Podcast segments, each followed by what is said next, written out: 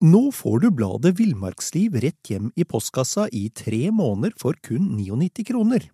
I Villmarksliv kan du lese om norsk natur, ærlige tester av klær og utstyr, og mange gode turtips skrevet av erfarne friluftsfolk, fiskere og jegere.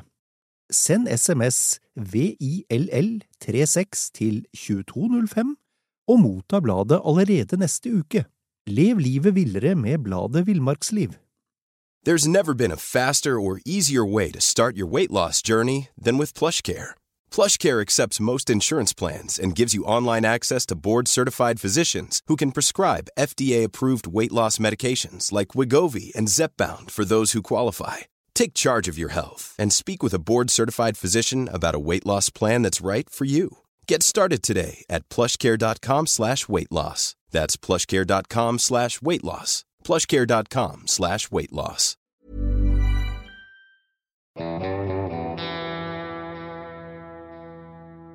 Velkommen til podkasten Villmarksliv. Mitt navn er Halvard Lunde, og jeg er redaksjonssjef i Villmarksliv. I dag skal vi snakke om et tema som satt på spissen handler om liv eller død. Vi skal snakke om hvordan en tar vare på seg sjøl og andre når man blir rammet av ulykke eller uvær i fjellet. Med på telefon fra Nordland har vi Kjell Harald Myrseth. Kjell Harald er daglig leder i Trappers Farm, et firma som gir nordmenn og utlendinger guida opplevelser av det beste villmarkslivet i Norge har å by på. Han er frilansjournalist og skriver blant andre for oss i Villmarksliv. Han er hundekjører, ja, kort sagt en eventyrer. Kjell Harald, var det en grei introduksjon? Eh, ja, det var fine, fine ord, det. Temaet vi skal snakke om i dag, det handler jo om å, å overleve i fjellet under vanskelige forhold. Og her har du jo personlig erfaring, og da tenker jeg tilbake på en konkret hendelse i, fra januar 2018 der du nesten i to døgn eh, kjempa alene sammen med hundene om å overleve under helt ekstreme forhold. Kan du fortelle litt om, om hva som skjedde? Ja, eh, det var midt, eh, midt vinters i januar og var, var som sagt på en, en lengre ekspedisjon. Hadde vært på tur i, i en måned, og det var, og det var to uker siden jeg både hadde sett sett folk og fått ei oppdatert eh, værmelding. Og, og eh, nå var jeg høyt til fjells og var på den eh, vanlige dagsetappen som skulle unnagjøres. Og, og i ellevetida på dagen da jeg var ja, på et veldig åpent og steinete område, så, så, tar plutselig vinden seg veldig mye opp. Det var, det var vind fra fra morgenen av, egentlig. Men uh, nå bygde det seg opp i en forferdelig styrke på bare noen få minutter. Så, så jeg er jo drilla på uvær og har opplevd det mange ganger før, så jeg, jeg tenkte at nå, nå, må jeg bare grave meg ned. Og jeg begynner å se etter en, en bekkedal eller noen plasser der jeg kan finne en skavl. og finne en bekkedal og klare å finne en fin skavl og stoppe hundene og, og begynne på med gravinga i rutinemessig vis. Og ja, etter en halvtimes tid så, så har jeg grovet ei snule som jeg får eh, skvist meg inn i, og, og tenker at eh, nå, nå, har jeg berga meg nok en gang i fjellet, og ja, nå er, det, nå er jeg trygg. Kan du, kan du si litt om, eh, om eh, altså, hvor du er rent geografisk? Eh, jeg er, jeg er på Kåfjordvidda. Det, begynner Det er ca. to dagsetapper før jeg var framme på reisemålet, som var Alta. Mm. Men du er altså ute på tur og blir overraska av et ekstremt uvær. Og, og, åpenbart, du hadde jo to valg her. Gå videre eller grave det ned. Kan du si litt om hvorfor du i det tilfellet der valgte å grave det ned, og, og ikke på en måte forsøkte å, å, fortsette å gå videre? Ja, For det første så var det et, et frykende uh, uvær som gjorde at, var, at jeg så det som uforsvarlig å fortsette i de forholdene her. Og når vi snakker, og, uh, snakker uvær, så, er, så snakker ikke vi om litt, litt vind, det var nærmere orkan? Ja, det, det, var så sterk vind at, at, jeg ikke kunne gå på ski, for jeg ble kasta av, av skiene og, ble liggende på bakken. Ja, så, så, så, du hadde egentlig ikke et valg? Nei, altså i tillegg så var det jo langt eh, ned til eh, skogen, som er skogen eller mer kupert terreng. Og, og, og, her oppe på fjellet så hadde jeg jo funnet en, en god skavl, og, og da var det og da var eh, forutsetningene for å klare seg oppe på fjellet der, når jeg hadde den skavlen min. Og det var eh, ja, det var eh, det jeg så på som best, beste muligheten. Har du vært ute for på en måte like ille vær tidligere? Eh, både før og etter har jeg vært borti været som er, som er såpass ille. Men det som, det som, gjorde det her ekstra ille, det var at det var, at det var en plass med lite snø. Og ja, selvfølgelig vinden var enda sterkere enn jeg noen gang har opplevd. Det er det. Men, var... Men jeg har vært borti været som har vært opp mot det samme både, både før og etter. Mm. Men eh, du valgte altså å grave det ned. Og, og, det er nok mange av oss som har forsøkt å grave snøhullet, men stort sett da i pent påskevær, og gjerne under eh, dyktig veiledning av en lærer eller instruktør, typisk i militær eller speideren eller Røde Kors. Men eh, hvordan er det å på en måte grave snøhuler liksom når det blåser orkanstyrke? Er det noe spesielt du en må passe på? Uh, ja, det er, det er, mange ting som er helt, helt forskjellige, og, og, det er sånne ting som man ikke tenker over. F.eks å bevege seg normalt i, i uh, orkan, det, er, det, går nesten ikke an. Uansett hva du gjør, så blir, det, blir kroppen din uh, vridd vekk og, og styrt av vinden. Og alt du har av løse gjenstander, det fyker bort. Og til og med spaden, hvis du ikke holder godt nok fast i spaden din, så, så fyk den til, til havet om så. Så alt... Også, Alt må tjores fast? Alt må tjores fast, eller eh, helst bare være igjen i, i sekken. Og, og, i tillegg da, så er det så kan du nærmest ikke se. Det er jo utrolig masse snø i lufta, og ser du vottene dine, kan det, kan det godt hende at det er maks. Og bare vanlige fysiske ting som å puste. Du klarer ikke å puste når du, når hodet mot vind. Du i tillegg eh, så er det jo en ting som man ikke tenker over i sånt uvær. Det, er at uh, imens du graver, så, så graver du på en måte i kapp med vind. Fordi, fordi vind fyller opp snøhjula di. Du tar et, du tar et spadetak og kaster bort eh, snøen, og i neste sekund så har, så har vind fylt opp det hullet. Ja. Så du det er sånne, masse sånne småting man ikke tenker over, som blir en kjempeutfordring. Hvor, eh, hvor stor snøhule på en måte gravde du? Var det nok til at du bare fikk inn kroppen, eller var det sånn at du fikk inn litt av utstyret, sekken eller pulken, eller? Eh, I den stormen her så, ja. så grov jeg meg eh, ja, først og fremst eh, rom til meg sjøl, men det var jo såpass stor skavl at jeg jeg grov eh, god nok plass til å få inn det viktigste utstyret, og sånn at jeg kunne ligge at jeg kunne strekke meg ut inn i hula. Mm. Eh, hundene de, de, tåler å ligge ute i sånt vær? Ja, jeg, jeg kjører grønlandshunder, og dem, det været de ikke tåler, det, det, det, det tåler ingen. Men men de liker ikke sånt det skal sies. Men de legger seg i en krøll bak uh, pulken og, og, rører seg ikke der. Og, ja. og uh, det, det, tåler de. Det, det, ja, det tåler de. Ja, det er tøffe, tøffe dyr. Men gitt at, mm. uh, gitt at, man ikke kan grave seg ned, og nå var jo du sånn sett litt heldig som fant, fant en skavl å, å, grave i, men i en situasjon der en på en måte ikke kan grave snøhule, hvilket liksom alternativ har de for å overleve i fjellet? Ja, I første omgang er det jo, bør du jo uh, absolutt prøve å sette opp teltet eller, uh, eller lage ei snøhule. fordi det, det, er jo det, som er desidert best å, å ligge i, i uvær.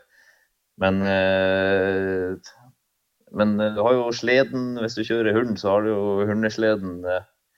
Og om du har en stor pulk går an å bruke pulken, i hvert fall i, om du ikke kan ligge i den. Bruke den som en type levegg eller, eller noe sånt. Så har du jo eh, er det mange som fyrte i vindpose og, eller stormpose og, mm. og den slags. Men, men det, etter min mening så er ikke, er ikke en vindduk eller en stormpose en, en god løsning. Ikke en langsiktig løsning. For det, for det første, om du ligger i en, en jervenuk, sier det, så, så uh, blir du våt etter hvert. For det er ikke noe du, Det er mye kondens i en sånn pose. og, Da blir du kald. Og, og uh, samtidig i en Du kan tenke deg i, i full orkan at uh, når du skal karre deg inn i en, en stormpose som bare blafrer og mm. blåser, så det er ikke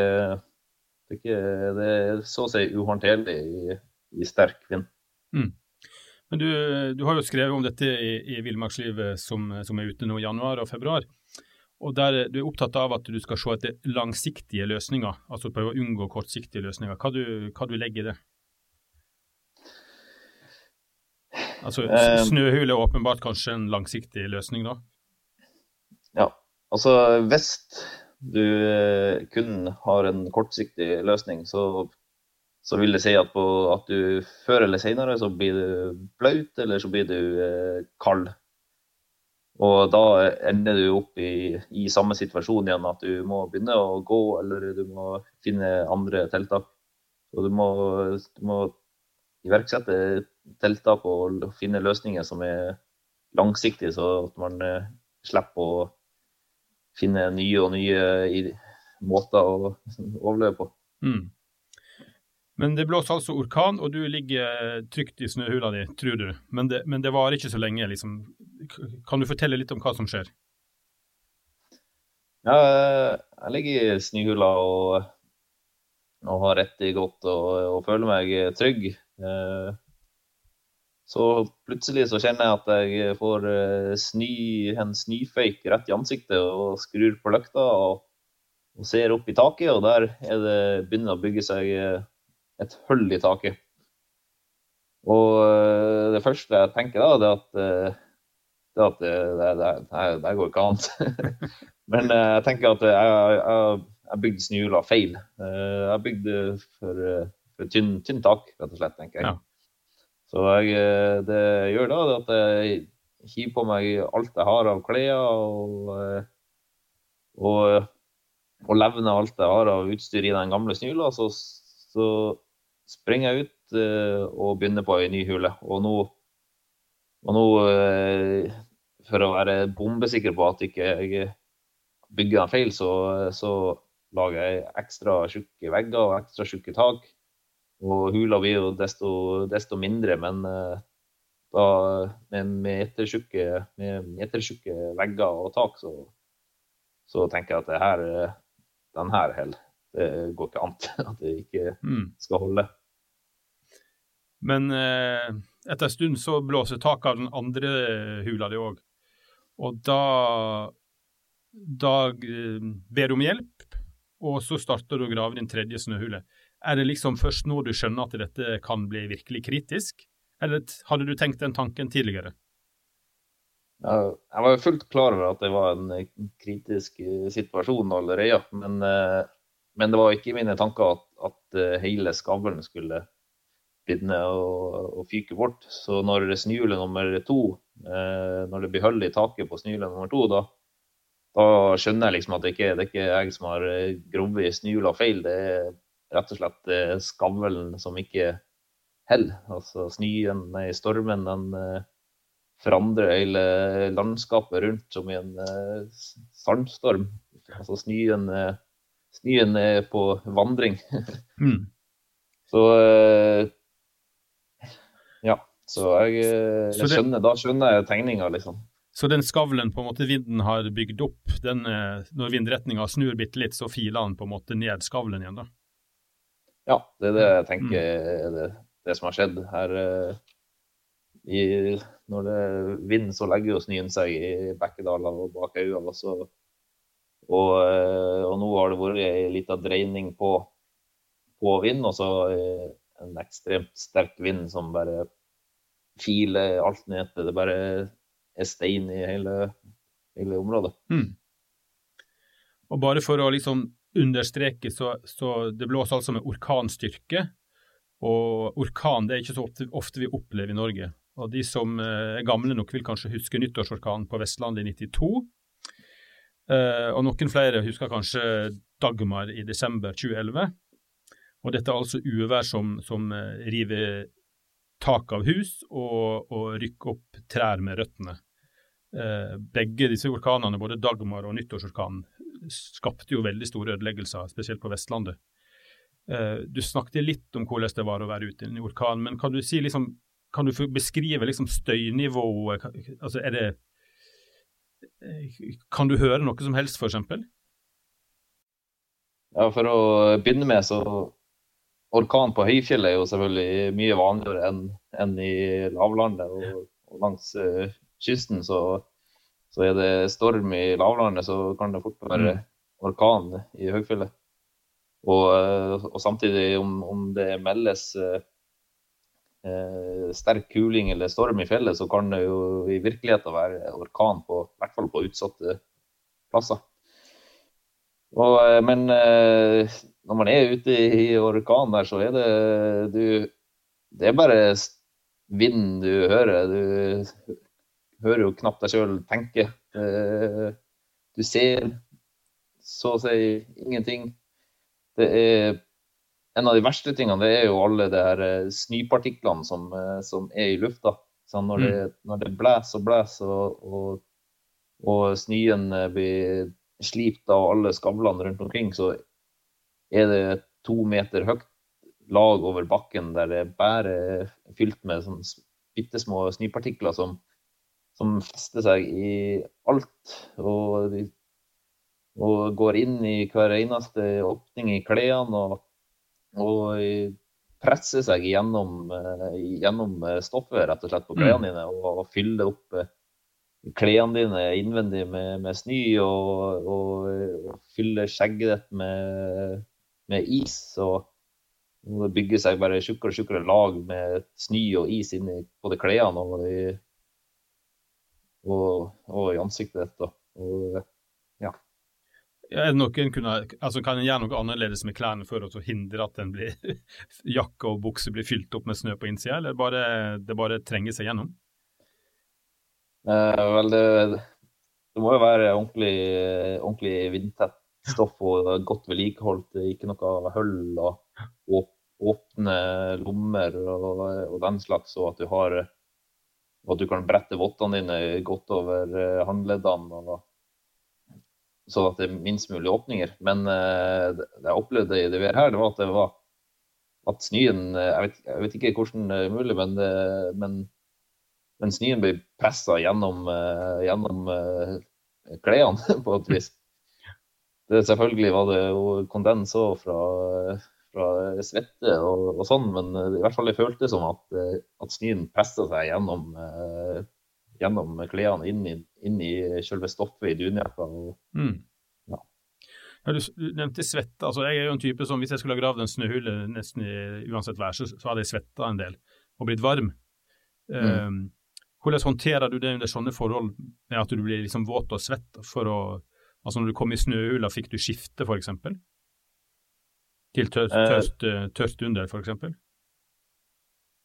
Ja, når jeg i første snøla jeg hadde, da, da, hadde jeg god nok tid til å, til å kle på meg godt med varme klær, og, og, det gjorde jeg også. Men når jeg bygger en snøhula, så I starten så bygger jeg det fortest jeg klarer, bare for å, bare for å få et lite hull.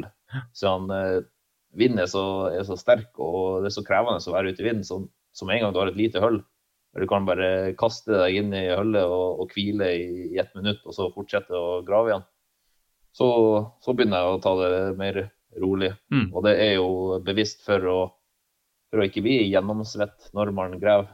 For blir du gjennomsvett, så blir du jo eh, kald når du stopper å, å være fysisk. Og, så man graver effektivt, men, i, men eh, med jevne mellomrom, så man ikke blir svett.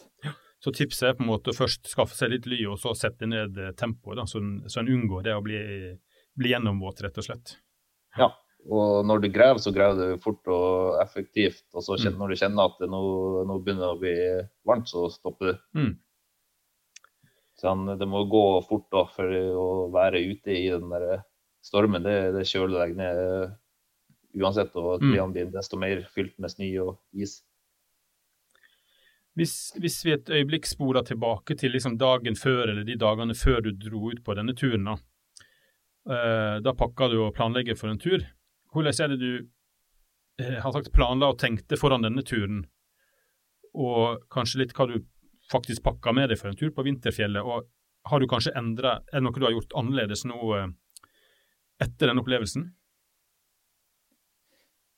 Uh, ja, for å begynne med utstyret, da, så så, uh, så må man jo man må ha utstyr som, som er, fungerer godt, og som du sjøl har testa og, og kjenner ut og inn og vet hvordan det fungerer.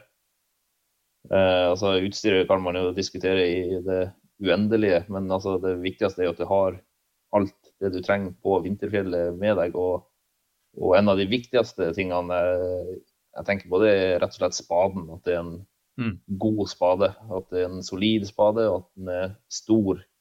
Stort skaft, sånn at du får med deg snø når du måker. Og at det, den har spisse hjørner, så du kan trampe på den. Mm. Det er jo masse, masse spader som er lagd for å ta minst mulig plass i i sekken og, og ja, minst mulig skarpe hjørner som går, kan settes hvor som helst. Men det, de spadene er jo ikke lagd for, for å mokke. Nei. De, altså når du først skal mokke, så må du kunne mokke på et ordentlig vis. Så eh, spaden vil jeg trekke fram som absolutt det viktigste den absolutt viktigste tingen du har. Mm. Ja, så spurte du om, eh, om, forberedelser. Selvfølgelig må du ha den type erfaringer som, eh, som den turen du legger ut, krever.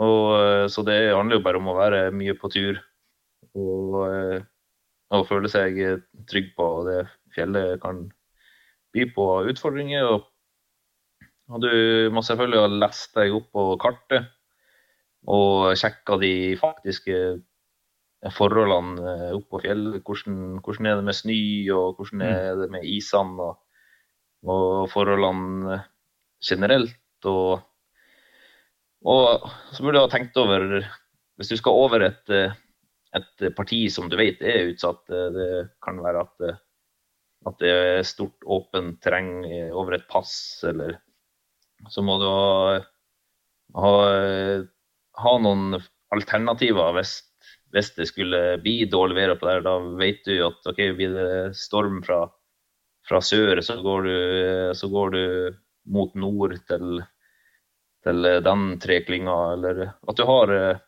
løsninger som, eh, som du bruker avhengig av hvor vind blåser ifra. Mm.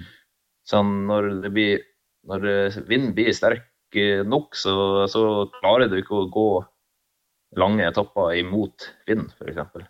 Nei, du blir utslitt. Ja, og du eh, ja, du må, i så fall må du krype, og det klarer du ikke å gjøre så lenge. Eh, kan du si litt om sånn, f.eks. mat og sånt? da? Hvordan, eh, hvordan ordner en seg altså bespisning under liksom, ekstreme forhold? Eh, når jeg er på langtur, så så kjører jeg nå egentlig ganske basic og billig, billig mat. Jeg bruker å ha tre, tre hovedmåltid. Uh, og det er en havregrøt eller en mye karbohydrater om, mm. uh, om morgenen. Og, uh, og en havregrøt eller en risengryngrøt. Og man blir jo matlig òg hvis det bare blir havregrøt. Og middag eh, så er det enten fisk eller vilt som man har fanga, og på lengre ekspedisjoner har man ofte noe frysetørka mat eller den slags. Eh, og til kveld så bruker jeg rett og slett å kjøre kjøre suppe og, og pasta. Og Mm. så skal det sies at alle de måltidene her så blander jeg inn eh, mye olje i hvert måltid. Og foruten om de tre hovedmåltidene Har tre hovedmåltider, for ellers skal du ha fire-fem hovedmåltider, så rekker du ikke å, å gjøre noe. Så, og det jeg spiser imellom eh, som snack, det kan være sjokolade eller eh, Ja, sånne ting som, eh, sånne, som mye, mye karolier, karo, kalorier. Kalorier, ja. Ja. Men rakk du under sånne ekstreme forhold som det var i, i 2018, rakk du på en måte å spise ordentlig da? Eh, Når jeg var i den første snula, så, så åt jeg meg eh, mett og drakk godt. Ja. Og forberedte meg på hva som helst. Nå, nå trodde jeg jeg skulle bli den første snula, da, men eh, Men eh, når man er utendørs i, i det været der, så får man ikke til eh, noe. Der, da eh, skrur du lokket av termosen, så flyger lokket av gårde. Og, og termosen er fylt med snø før du rekker å gjøre noe. Ja. Noe som helst. Så det, det å ete under hele situasjonen her, så var det veldig lite mat og drikke jeg fikk i meg. Så det var, det var ikke fysisk mulig. Men da åt jeg og drakk eh, i den første snøhjula, Mm. så jeg hadde et lager. Men når vi er tilbake igjen i januar 2018, så har det gått noen timer. Du har vel gravd ytterligere et par snøhull som er knapt nok store nok til å, å ha sagt at du kan krype inn i. Og du har varsla at du trenger hjelp, men har du, har du fått en beskjed om at noen faktisk leter etter deg? Og hvilke, hvilke tanker er det du liksom, når du ligger i disse siste små snøhullene, hva, hva tenker du på? Eh, det hadde jo gått veldig, veldig mange timer allerede, og, og været var helt ekstremt. Så jeg tenkte, jeg tenkte som så at det, det går ikke an å komme, komme hit. Så jeg må bare klare meg sjøl. Mm. Og alt, alt jeg gjorde, var med tanke på at jeg skulle klare meg sjøl. For uh, sjøl om jeg hadde bedt om hjelp, så, så trodde jeg egentlig ikke at eh, noen ville klare å komme seg opp. Mm. Og om, eh, om det var noen på vei, så gjorde det i hvert fall ikke noe at jeg, at jeg prøvde å klare meg på best mulig vis fram til de kom. Mm. Og så- Ja, og eh, når jeg lå der, så tenkte jeg eh, ett og to steg fram i tid. Når, når hule nummer to kollapsa, så, så visste jeg hvor jeg skulle bygge neste snøhjul. Det hadde jeg allerede planlagt. Mm. Og så med en gang jeg måtte, måtte gjøre noe, så visste jeg akkurat hva jeg skulle gjøre. For jeg drev hele tida og planla flere steg fram i tid. Mm. Ja, og, ja, og som sagt, jeg planla ut ifra at jeg ikke skulle, skulle få hjelp. Men man blir jo selvfølgelig sliten av å, av å hele tida finne løsninger på løsninger, og så, og så, eh, og så kollapse i nye snule, og så må du finne en ny løsning ja, Jeg prøvde jo mange andre ting enn bare å, å lage snøhule. På et tidspunkt så, så tok jeg eh, teltet ut av eh, pulken. Mm. Jeg tenkte at om jeg, eh, om jeg klarte å legge teltet som en slags presenning over, over snøhjula, så kanskje, kanskje det gjorde at ikke snøhjula filtes bort så Mm. fort. Og Det høres jo kanskje ut som en god idé, men, men i praksis så, så det, var det helt umulig. For eh, med en gang jeg hadde sittet i teltet ned i eh, bardunert i, eller sittet inne plugga i, i snøen, så, Mm. så ble det teltet ble klistra så hardt inntil bakken at det, at det var umulig å, å, å komme seg under teltduken en gang. Ja. Det, de blir bare skvist ned i bakken og eh, fylt, fylt med snø. Og så ja, helt uhåndterlig. uhåndterlig. Så teltet må opp eh, før, før det begynner å blåse for kraftig, med andre ord. Ja, og hvis, eh, hvis ikke du får skåna teltet med en ordentlig levegg eller noe sånt, så, så rives det i fillebiter. Eller, Mm. eller stengen knekker, og, og da, da ligger du jo i et flatt telt. Og, Mm. Du blir pakka ned av snø, Ja. rett og slett. ja, altså jeg ville jeg ville ikke ha oppholdt meg under, eh, telte i et sånt vær, for teltet blir så skvist eh, ned i bakken av vind at, det, Mm. at det, ja, det, jeg prøvde, for å si det sånn, å, å, å eh, komme meg under duken for å få litt mer eh, ly. Og, og det var umulig å, å, løfte det nok opp til at jeg kunne skvise meg sjøl under. Mm. Det sier litt om hvor sterk vind presser ting ned i bakken. Mm. Ja, det var ekstremt. Men ehm, da, har vi kommet dit at du har vel gravd fem snøhuler som alle er spist opp av vinden, og du har vel ingen plass å søke ly og krøke deg ned sammen med hundene dine. Er du, inn, er du liksom nok en gang inne på tanken at nå er det slutt, nå kan jeg bare gi opp? Uh, jeg tenkte aldri at jeg skulle gi opp. Det, det gjorde jeg ikke. Men, uh, men da hadde jeg kommet til et punkt da, da jeg tenkte at nå har jeg prøvd alt som jeg kunne ha prøvd. Nå har jeg gjort eh, alle tiltak jeg kan gjøre her der jeg er nå. Og eh, pluss at jeg var ufattelig sliten i hodet. Og, og jeg tok meg sjøl i å og, og bare late som jeg gitt opp, bare for å få en liten mental pause.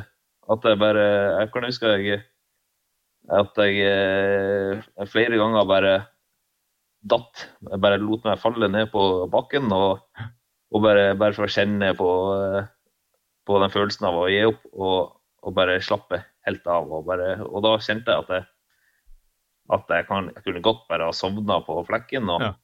og det verste av alt var at jeg kjente at jeg hadde ikke gjort noe heller. Det var, det var så befriende å bare ligge der. Men eh, så Ja, så, eh, så begynner man å, å tenke på eh, hvis man skulle dø, da, hva man går glipp av. Mm. Og, og sjøl om jeg var på et eventyr nå, så, så var det de eventyrene jeg ikke har vært på, som, som begynte å dukke opp i hodet mitt, og, og den bedriften min som jeg hadde tenkt å starte opp på. Men spesielt alle eventyrene som jeg allerede hadde planlagt at jeg skulle på. Hvis jeg ikke Jeg fikk jo vondt inni meg med, med tanken, tanken at jeg, hvis jeg ikke skulle kunne dra på nye turer. Mm. Og da, og da og det var, det var desidert den største motivasjonen til å bare komme seg opp igjen og, og, og fortsette. Mm. Men når du ligger der ute med hundene, så skriver du i den artikkelen vår at det, det er spesielt én ting som skremmer deg og får deg til å stå opp.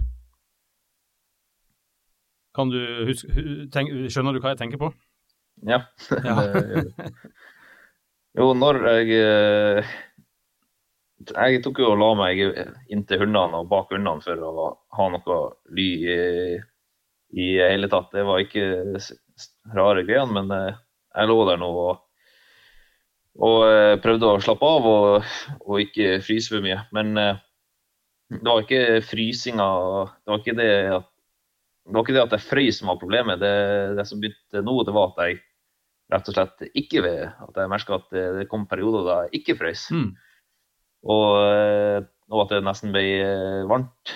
Og eh, ja, i hvert fall at i starten mens jeg lå der, så, så skalv jeg ukontrollerbart. Det- Tennene hakka, og så plutselig bare så bare stoppa, det her. Og, og det, var ikke, det var ikke ubehagelig i hele tatt. Og, men, men jeg var ikke idiot heller. Jeg skjønte jo at jeg, jeg, jeg har hørt nok historier om at, at jeg, jeg kjente igjen Jeg har hørt den historien før, Mm. for å si det sånn. Og da, eh, og da, var det, da måtte jeg tvinge meg opp, eh, gjerne hvor godt det føltes. Eh, Så måtte jeg bare tvinge meg opp og, og, og krabbe rundt, rundt og rundt pulken for å helle varmen, eller for å Helt til jeg begynte å kjenne at nå, nå fryser, fryser jeg igjen. Mm. Ja. Og, men jeg skjønte jo at det her det er overhodet ikke langsiktig. Det her, jeg begynte å tenke på at nå, nå er jeg nødt til å Nå er det eneste muligheten eh, videre nå, det er å gå herifra. Mm. Jeg, og, og, da, og det var det som var min, mitt, mitt neste eh, trekk. Det var å ta med spaden og, og peileren og Mm. bare gå derifra. Men da, men da visste jeg jo samtidig at uh, forlate den plassen som jeg har sendt ut nødmelding fra. Ja. Og, eh, og, jeg, og jeg går med vind i ryggen mot uh, en uvisst uh, skjebne. Og, og hva, hvordan det hadde gått, ville jo bare kommet an på hva jeg hadde truffet på min vei. Om mm. jeg hadde funnet en, en ny skavl. Men jeg visste jo at det var, det var langt. Det var, var 15-20 km til nærmeste busk. Mm. Så det var Så det, da måtte jeg ha gått langt og vært heldig med dit jeg, der jeg traff. Mm. Men når du ligger der, det du ikke vet, er jo at uh, etter ca. drøyt uh, eh, 40 timer, så er det faktisk folk like i nærheten som leter etter deg. For uh, leitemannskapet har nemlig funnet fram til, uh, til, plassen der du sendte nødmelding, og der du sk skulle ha vært. Uh, de har kjempa mot stormen. To scootere har vel havarert, men, men, ikke gitt opp, heldigvis. Og i en halvtime har de altså vært du skriver altså mindre enn ti meter unna deg, og lett, før de finner deg. Og Det sier vel litt om hvilket uvær som var der. da. Og, og, du reagerer først når du får et skarpt lys i ansiktet. Hva, Eh, hva, hva, føler du da for å, å bruke sportsmetaforen? Altså, Hva tenker du på når du, du ser det lyset? Ja, når det, når det, lyset kom rett i ansiktet mitt, så eh, ja, så så jeg noe lyset. Bokstavelig talt. Ja, men det, det, det, lyset her kom så ut av det blå at, at det, det, var eh, som å bare bli vekka opp av en franse. Ja, For du hadde ikke hørt, du hadde, du hadde ikke hørt noen ting, liksom?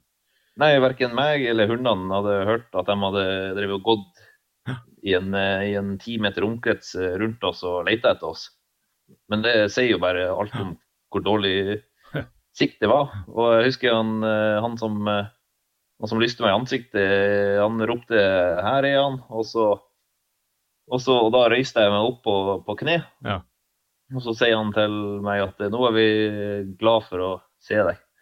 Og så sier jeg tilbake at jeg, er jævla glad for å se dere òg. Ja, det er forståelig. Og, og etter det så så, eh, så husk, husker jeg at, jeg at, jeg tenkte at nå, nå, skal jeg bare la dem ta alle avgjørelser. De, eh, de har mye bedre forutsetninger nå til å, mm.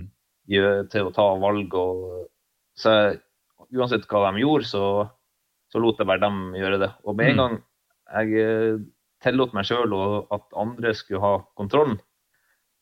Så, så, så begynte jeg å, å få problemer med, med, å snakke, nesten. Ja. fordi, fordi, da en gang eh, jeg skulle si noe til dem, og så, så bare klarte jeg ikke å formulere setninga mi. Og så skjønte de ikke hva jeg sa, eller hva jeg ropte, og så bare Så, eh, så tenkte jeg bare jeg, så hadde jeg ikke energi nok til å, til å formulere setninga på ny. Så da tenkte jeg bare jeg bare lar dem gjøre alt det de vil, og så gjør jeg bare hva de sier. Ja. Og det de eh, gjorde da, det var at jeg hadde jo kanskje tre-fire kilo med is i skjegget og i ansiktet. Det første de gjorde, det var at de skar av meg med, med kniv av skjegget, og de skar av meg hua og vottene. og satt på meg eh, nytt.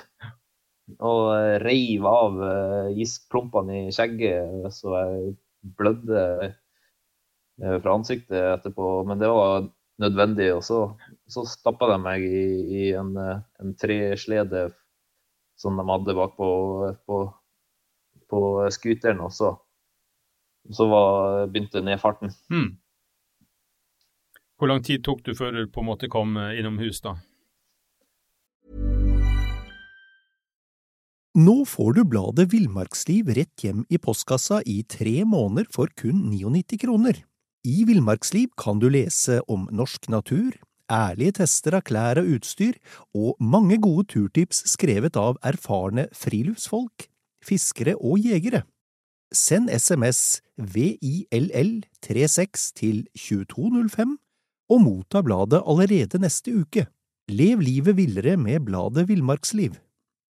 Hi, I'm Daniel, founder of Pretty Litter. Cats and cat owners deserve better than any old-fashioned litter. That's why I teamed up with scientists and veterinarians to create Pretty Litter. Its innovative crystal formula has superior odor control and weighs up to 80% less than clay litter.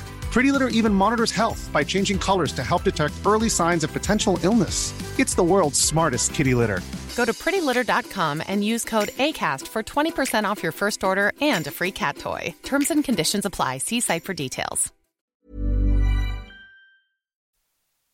Eh, jeg har ikke helt kontroll på, eh, på, eh, på hvor lang tid det tok, men jeg tror selve skuterturen ned til, til der barnevognene var, det tok sikkert en, en, et par timer. Ja. Og så var det enda et par timer kanskje med, med, med barnevogn ned til veien, og så bars det rett på, på sykehuset. Mm. Men eh, ja, men jeg var, jeg var Jeg var selvfølgelig trøtt, og, men jeg var fullt bevisst, så jeg husker det nå alt. Mm. Og, eh, og det har jeg ikke nevnt tidligere, da, men, eh, men på slutten, eh, mens jeg, mens jeg lå igjen med hundene der, så begynte jeg å få så sinnssyke kramper i, i bekkenet og hoftene. Jaha. Og eh, jeg tror sannsynligvis eh, fordi, fordi jeg hadde ligget så statisk så lenge. Og, og de, de her smertene her var noe av det, verste akkurat da, for det gjorde så sinnssykt vondt bare i, i hoftepartiet. Og eh, men, eh, men det ga seg jo etter hvert, og det Mm. kan Ja, når jeg, når jeg kom på sykehuset og begynte å holde armen igjen da, da eh, ga det seg de smertene. Mm. Og, og på tur ned i, i barnevogna så var det jo folk rundt meg og prøvde å og begynte å massere føtter og, og, og armer og alt for å liksom passe på at jeg ikke fikk eh, noe verre frostskader og, og den slags. Og, eh, og da, på det tidspunktet så var jeg så trøtt at jeg at, eh, at jeg egentlig bare hadde lyst til å sove. Ja. Og da merka jeg at det, det mannskapet her, dem, dem, jeg, tror de, jeg tror de trodde at jeg, at jeg holdt på, på å bare falle bort. Det kan man ikke si, men jeg husker bare at det, var ikke det, det som var greia. Det var bare at jeg var så trøtt at jeg prøvde å, prøvde å snike meg til litt søvn. Ja. De, de, de, de gitt meg ikke lov til å sove, da. Det er sikkert en rutine de har. Men eh, jeg fikk ikke lov å sove, men jeg husker bare at jeg prøvde å bare For da hadde Og, ikke eh, du sovet på to døgn omtrent, da? Ja, da, da Ja, det stemmer. Mm. Og, ja. Fikk du noe varige men etter denne hendelsen? Altså Eh. forfrysning eller andre ting som Jeg fikk eh, Jeg måtte syes litt i ansiktet etter, etter de eh, skar og reiv av skjegget mitt. eh. Og så fikk jeg andre, andre, grad, andre grads eh, forfrysning på, på, eh, på fingrene og, og håndleddene, men eh, ikke verre enn det. Jeg fikk eh, eh, kraftig magesår. Eh, sannsynligvis eh, så Legen mente jeg hadde plagdes med stress i det siste. Ja. Det kan ha noe med, med det å gjøre. ja. Det, men det magesårene gjorde at jeg at på ei ukes tid så jeg klarte ikke å ete og drikke noe, nesten. Sånn, det gjorde så vondt å, å ete mat. eh, Men eh, bortsett fra de her tingene som gikk over etter hvert, så, så hadde jeg ikke noe varig men. Mm. I, I saken du har skrevet for oss nå i januar, så, så evaluerer du også din egen innsats og, og rolle i det som skjedde. Og så er det spesielt to ting du tar opp. Og Den ene tingen er du på en måte sikker på du ville ha gjort annerledes, og den andre tingen er du litt mer i tvil om. Kan du, kan du si litt om det nå? Ja, på den turen her så hadde jeg med meg eh, nødpeiler, eller en sånn uh, enveiskommunikasjonsduppeditt. Og med dagens uh, teknologi, teknologi så, så vil jeg absolutt uh, hatt med meg en, en toveiskommunikasjon. Og da hovedsakelig for å kunne motta værmeldinger. Mm. Og det, så det er, det er jeg overbevist om at, at eh, det er en virkelig eh, nødvendighet på, på fjellet. Ja, så hvis du hadde hatt en oppdatert værmelding, så hadde du kanskje ikke lagt ut på den etappen du, du gjorde? Eh, ja, det kan hende. Men samtidig så vet man jo ikke før. For det har skjedd mange ganger at, at de melder, melder greit vær, og så mm.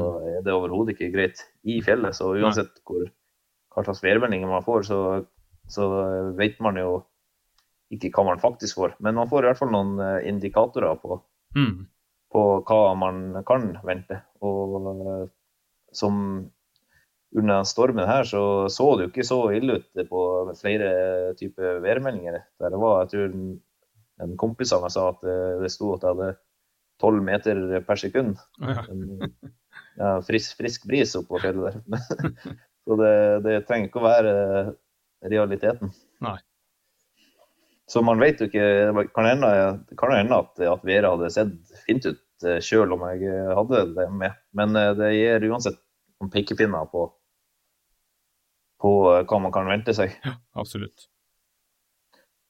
Ja, og det andre punktet, da, det, det er rett og slett punktet om jeg skulle ha begynt å gått, om jeg skulle gått videre når den første snøhjula kollapsa, eller, eller ikke. Mm. For for om redningsmannskapet ikke hadde kommet, kommet seg fram, så, mm. så hadde det desidert vært best avgjørelse å gått videre og, og bruke energien på å komme seg eh, ned i, i annen type terreng. Mm. Ha, ha, Men, ha, eh, hadde du klart det under, under, det været som var? Eh, ja, det er jo en stor risk. Det, det kan jeg ikke svare på. Men forutsetningene for at jeg skulle ha klart det, hadde vært mye større om jeg hadde gjort det med en gang. Mm. Eller om at uh, jeg hadde ventet til venta at jeg ikke hadde snø igjen og grave snøhjul i. Men mm.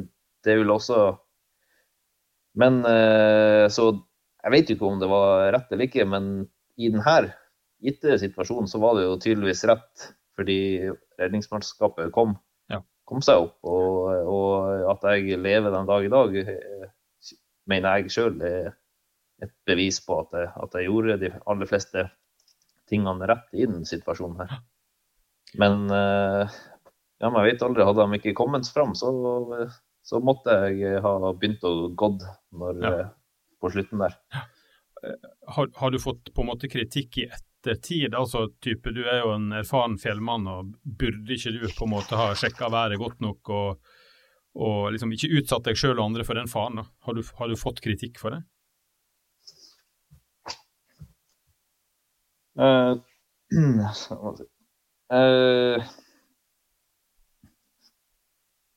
jeg har uh, jeg har registrert at det har vært litt kritikk, men det det er ikke mye kritikk jeg har fått. Jeg har heller ikke oppsøkt plasser jeg kan eh, se kritikk heller. Men, eh, men eh, litt har det vært. Men, og det har jeg sett.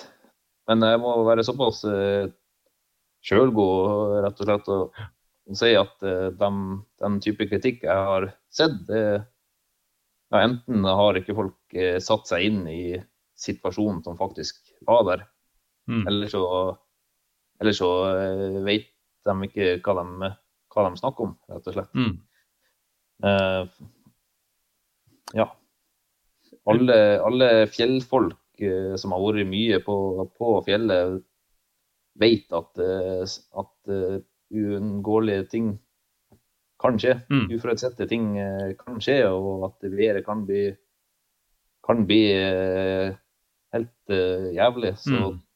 Av fjellfolk som av fjellfolk eh, så, så, har jeg ikke fått i hvert fall kritikk i rett i ansiktet. Da, ja. kanskje noe jeg ikke har hørt, men det vet man aldri. Men eh, eh, redningsmannskapet her, for å snakke om deg, de gjorde utvilsomt en utrolig innsats og bidro til at du eh, kanskje berga livet. da. Har du, har du, tenkt, liksom, har du hatt dårlig samvittighet at, for at du utsatte deg for fare? Um, altså, Tenkte du noen gang at, liksom, at du skulle, skulle, la være å tilkalle hjelp fordi du ikke ville utsette folk for, for det været der? Du, Du visste jo hvordan det var der oppe.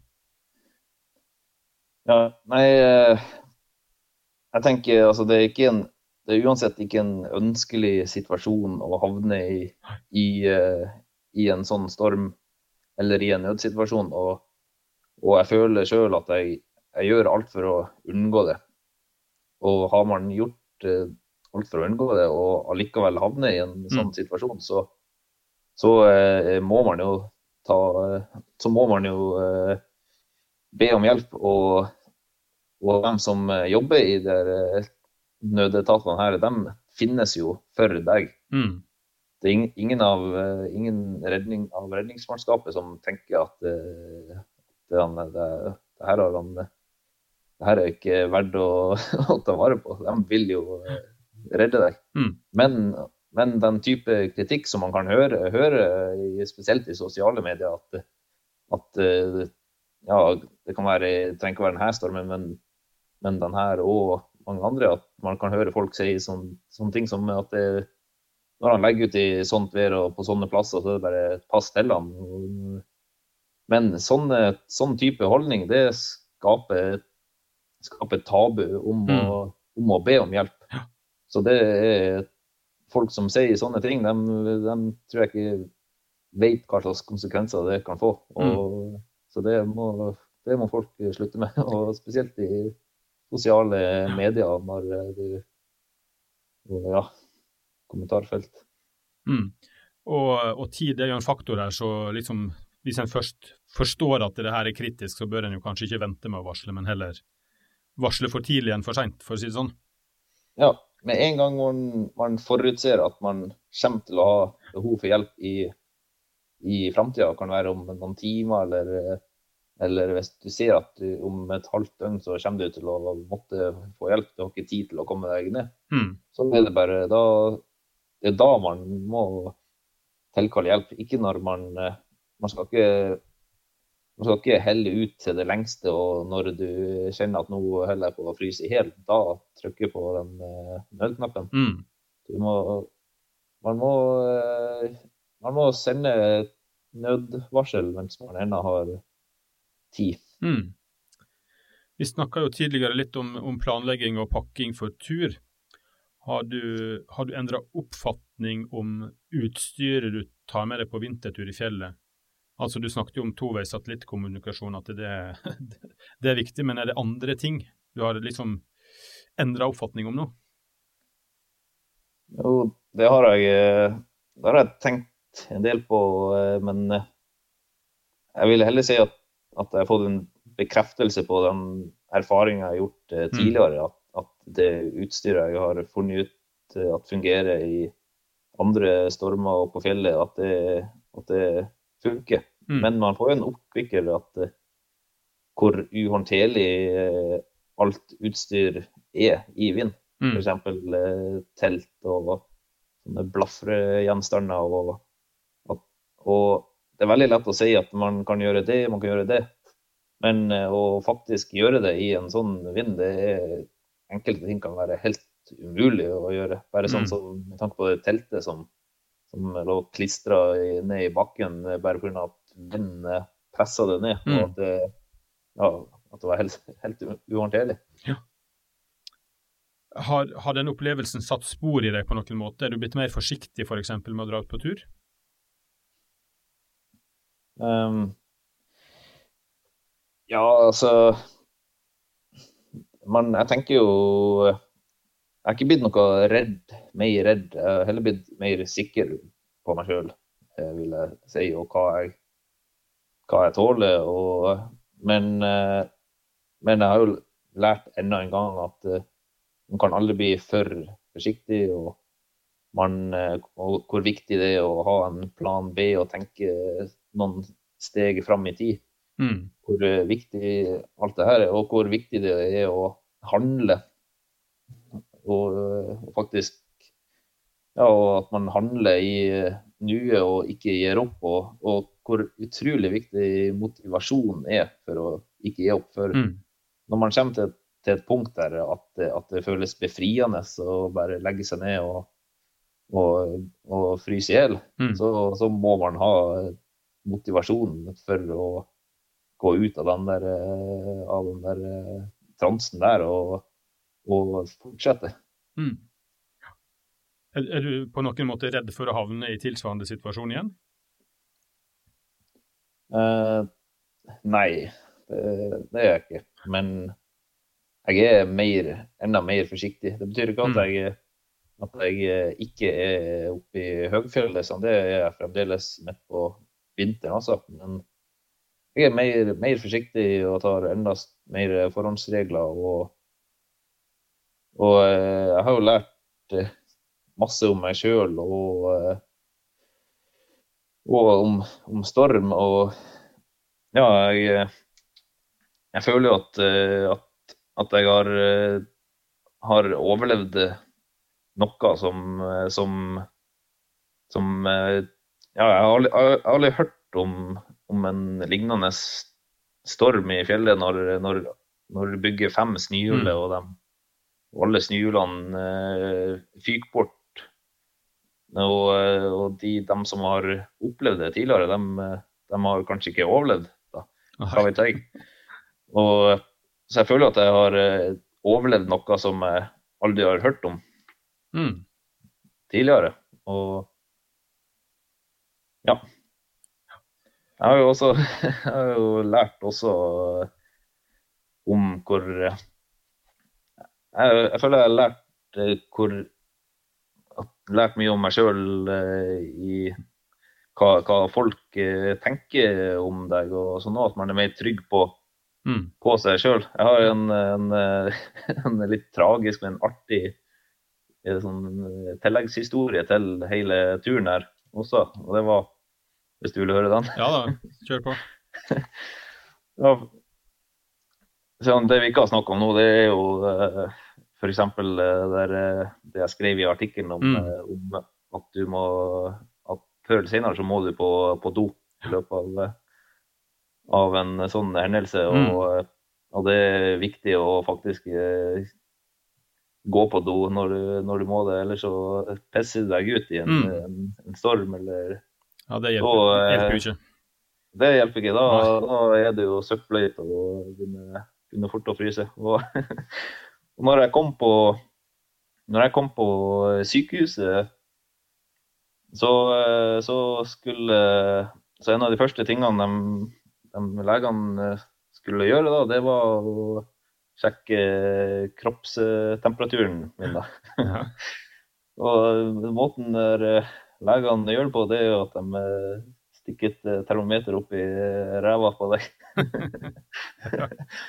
og når jeg og når jeg lå på benken her, og de strippa av meg alle klærne, og det var en, en, lege og to i mine øyne helt fantastisk vakre sykepleiere som, som, som hjalp til. Og, og, så dro, han, dro de av buksa mi, og da har jeg faen meg, eh, uten å merke det, har jeg dritt meg ut. Ja. og, der, og, der, står de to vakre uh, sykepleierne og vet ikke hvor de skal se. Og, og eh, da lærte jeg en ting om meg sjøl, at uh, vet du hva, jeg, jeg gjedde så faen at jeg gjorde meg ingenting. at uh, det, det, som de ble vitne til der Jeg måtte bare flire og slå av en spøk, og så fikk de var han legen så uh, sympatisk til de, de uh, damene der at, at, han gjorde jobben med å ja. rengjøre før han stakk inn termometeret. Det forteller vel litt om hvilke forhold du var, var under, tenker jeg da. ja, altså jeg har, har, aldri noen gang brydd meg så lite om noe så flaut. ja. Men eh, Kjell Harald, eh, din tid eh, på, var ikke ute på, på, fjellet i 2018, og, ta, takk for det. Men vi begynner å nærme oss slutten på denne podkastepisoden. Og jeg tror den historien din og tipsa og rådene du har kommet med, faktisk kan bidra til at andre kan gjøre de riktige valgene og kanskje redde både seg sjøl og andre om de skulle bli utsatt for, for uvær i fjellet eller andre kniper. Så, så tusen hjertelig takk for det.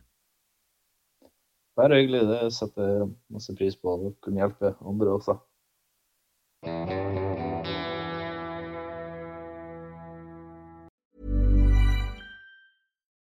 Nå får du bladet Villmarksliv rett hjem i postkassa i tre måneder for kun 99 kroner. I Villmarksliv kan du lese om norsk natur, ærlige tester av klær og utstyr, og mange gode turtips skrevet av erfarne friluftsfolk, fiskere og jegere. Send SMS VILL36 til 2205 og motta bladet allerede neste uke. Lev livet villere med bladet Villmarksliv. Planning for your next trip? Elevate your travel style with Quince. Quince has all the jet setting essentials you'll want for your next getaway, like European linen, premium luggage options, buttery soft Italian leather bags, and so much more. And it's all priced at 50 to 80% less than similar brands. Plus, Quince only works with factories that use safe and ethical manufacturing practices. Pack your bags with high-quality essentials you'll be wearing for vacations to come with Quince. Go to quince.com/trip for free shipping and 365-day returns. Imagine the softest sheets you've ever felt. Now imagine them getting even softer over time. That's what you'll feel with Bowl and Branch's organic cotton sheets. In a recent customer survey, 96% replied that Bowl and Branch sheets get softer with every wash. Start getting your best night's sleep in these sheets that get softer and softer for years to come. Try their sheets with a 30-night guarantee. Plus, get 15% off your first order at bowlandbranch.com. Code BUTTERY. Exclusions apply. See site for details.